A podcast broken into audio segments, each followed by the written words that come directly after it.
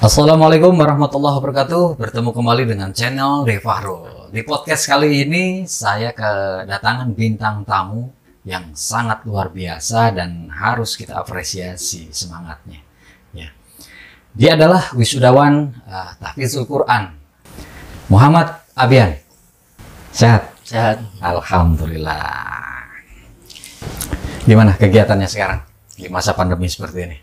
Masa pandemi kegiatannya cuma ngajar Hmm, ngajar di pondok pesantren. pondok pesantren. Di mana?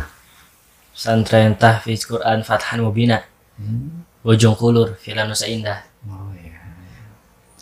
Berarti pondok pesantren yang saat ini eh, Bian ngajar di situ itu adalah tempat Dulu Bian pesantren. Oh, dulu Sekarang ini pesantren. lagi pengabdian pengabdian.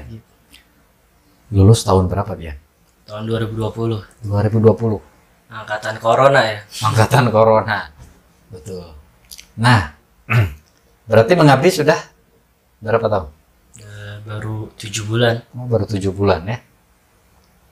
Gimana eh, kesan-kesannya saat ini sedang ditimpa corona nih? Banyak yang pulang nggak? Apa online atau bagaimana? Di pesantren itu udah offline semua. Offline semua ya? Udah masuk semua. Hmm. Dan lebih mudah ngajarinnya juga. Hmm, ya, ya, ya. Nah, itu waktu wisuda itu bulan kapan? Tahun kapan? Tanggal 23 Februari 2020 2020. Wah, tahun kemarin. hmm, setahun ya? Setahun yang lalu. Iya. Apa yang membuat Bian eh, termotivasi ingin menjadi seorang yang ahlul Quran atau tahfizul Quran? Ceritanya awalnya gimana tuh? awal dulu saya pertama ngafalin Quran itu kan sebelum menghafal Quran itu saya Hmm? begitu karena terbawa pergaulan Hmm, ya. terbawa pergaulan akhirnya ya ikutan Hmm, Nah, terus saya diajak ngaji sama teman saya hmm. nah di situ saya Termotivasi. termotivasi dan Allah ngasih hidayah ke saya Hmm. akhirnya saya perbaiki diri akhirnya saya berubah dan saya bingung gimana nih saya caranya biar lebih dekat lagi sama Allah Hmm. akhirnya kenapa saya nggak baca Quran ya gitu. akhirnya di situ saya mulai baca Al-Quran mulai baca baca Al-Quran awalnya tuh belum ada kepikiran ngafal Quran Hmm. itu pas kelas 3 SMP Hmm. Pas kelas 3 SMP itu belum ada pikiran buat ah ngafalin Quran kali ya gitu belum niat itu baru baca-baca aja sehari sejus gitu baru baca-baca nah terus pas Ramadan itu pas Ramadan itu saya punya guru di rumah Hmm. saya punya guru di rumah dan anaknya itu ternyata hafal Quran Iya. Nah pas itu setiap habis sholat berjamaah kan itu bubar. Nah saya biasanya habis moro habis sholat berjamaah itu duduk lagi di masjid buat baca Al-Quran. Hmm.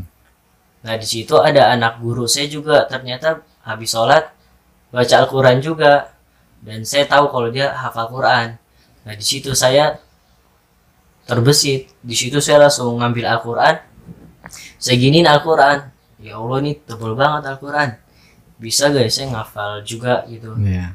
Bisa guys saya ngafal 30 juz. Dia aja bisa. Masa saya enggak sih ya Allah. Iya. Nah di situ saya baru ada kepikiran, kenapa nggak ngafalin Quran aja ya? Nah situ saya baru mulai menghafal bulan Ramadan. Iya. Itu target sampai 30 juz itu berapa tahun? Waktu itu nggak nggak punya target, Hmm. coba ngafal-ngafal aja, ngafal, ngafal, ngafal. Alhamdulillah selesai. Nyampe ya. Oke. Nah itu halangannya bagaimana tuh? Itu kan seorang tahfiz Quran itu kan harus selalu merojah ya. Selalu eh, gini, minimal satu hari itu harus berapa juznya? Atau murojahnya minimal berapa gitu? Nah, kalau di pesantren pas lagi masih santri itu Hmm. sehari murojahnya 5 juz. Mm-mm. tiga juz. Cuman sekarang ini karena sibuk ngajar juga agak berkurang sehari dua juz. Tahfiz dan hafiz itu bedanya apa sih? Gitu? tahfiz itu menghafal lagi proses Oh, menghafal proses belajar lah ya. Hmm. Di samping itu ada merwajah juga lah gitu. Dan seorang hafiz juga tidak lepas pasti ya dari merwajah. justru lebih lebih banyak lagi tanggung jawabnya Oh iya. lebih banyak hafalan yang harus diulang Nah, terus kan kita udah hafal Quran. Lalu saya mendengar bahwa kalau seandainya kita lupa, ya, ada beberapa ayat yang lupa itu dosa tuh Bian. Gimana? Bian, yang yang Bian tahu. kata Syekh Usaimin Hmm, mengatakan di dalam kitabul ilmi hmm, bahwa seseorang yang telah menghafal Quran kemudian dia nggak murojaah nggak diulang hmm, dilupakan betul. maka termasuk dosa besar Masya Allah. Betul, betul. Jadi itulah ya gunanya fungsinya merojah ya. Biar kita selalu ingat. Betul, betul. Nah, punya kesan apa Bian ketika di masa-masa kita menghafal Quran ya sempat terbesit nggak wah nih jangan dilanjutkan nih sempat nggak ada halangan seperti itu? Oh. Iya. Enggak belum. Belum ya? Karena saya itu kalau orangnya kalau udah bertekad saya kejar terus sampai dapat. Masya Allah betul, betul. belum ada besi terbesit gitu ah udah Males nih, gitu. Iya, gitu. Belum. Saya tuh orangnya kalau udah pengen ini mau Konsis- sesuatu iya, itu terus konsisten ya. dilanjutin. Iya, semangat betul. Terus untuk halangannya, hambatan di dalam menghafal, apa tuh hambatannya? biasanya menghambat kita dalam menghafal Quran itu godaan terbesar para penghafal Quran itu biasanya wanita Hmm, wanita ya? itu berat paling berat dan itu yang salah satu yang dan itu salah satu yang bikin susah menghafal Hmm, karena sebelum karena pernah saya mengalaminya. Nah, itu sesuatu yang pernah saya alami Iya. dulu itu sebelum masuk pesantren kan saya masih SMP Iya. dan SMP-nya itu sekolah di luar umum Hmm, yang gabung yang sekelas itu gabung Iya. sama perempuan Iya. ya namanya anak muda dulu kan masih belum ngerti Iya. rasain juga yang namanya pacaran gitu Iya. jadi pas masuk pesantren itu saya masih dekat sama pas masuk pesantren itu pas awal masuk pesantren itu saya masih dekat sama orangnya Cewek gitu ya. sama perempuan itu masih dekat. Nah yang saya rasain itu susah susah kalau menghafal Hmm, kok susah sih ngafalin Quran nih? Saya tanya sama guru saya. Saya punya guru di rumah saya tanya Ustadz kok saya susah ngafal ya? Hmm, Iya. kok saya ngafal nggak masuk masuk nah kata Ustadz itu jawabnya simpel. Hmm, tinggalkan penyebabnya cuma bilang gitu tinggalkan penyebabnya. Saya pikir apa ya penyebabnya? Kok saya susah ngafal ya? Iya. saya pikir-pikir ternyata penyebabnya perempuan. Iya. di situ akhirnya saya ngerenung ya udah akhirnya saya tekad saya beraniin saya bilang ke dia kalau saya mau fokus ngafal maaf ya mau fokus ngafal mau ngafalin Quran udahan dulu saya bilang. Dan akhirnya setelah saya bilang gitu saya doa sama Allah Hmm, Ya Allah, saya ninggalin dia karena Engkau ya Allah. Saya ninggalin dia karena ingin menghafal Quran. hmm, Mudahkanlah saya ya Allah. Siapa yang dapat memudahkan saya kecuali Engkau? Betul. Akhirnya saya istighfar, mulai menghafal lagi. Nah di situ saya tuh beda rasanya, benar-benar mudah Semangat, menghafal. Kayak menghafal itu benar-benar mudah. Baca-baca hafal, ulang beberapa kali hafal Iya.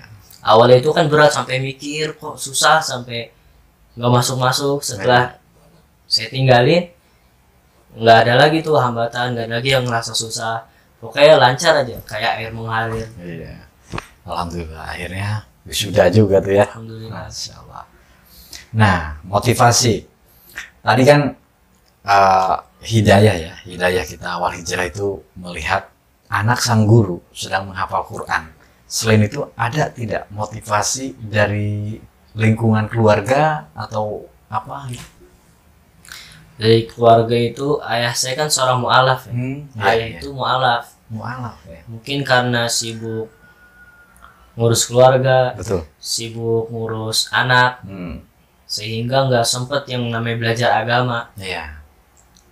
Nggak sempat belajar agama dan saya takut takut ayah itu kurang bekalnya Mm-mm. takut Kurang bekal ya. kurang bekalnya Iya. nah di situ saya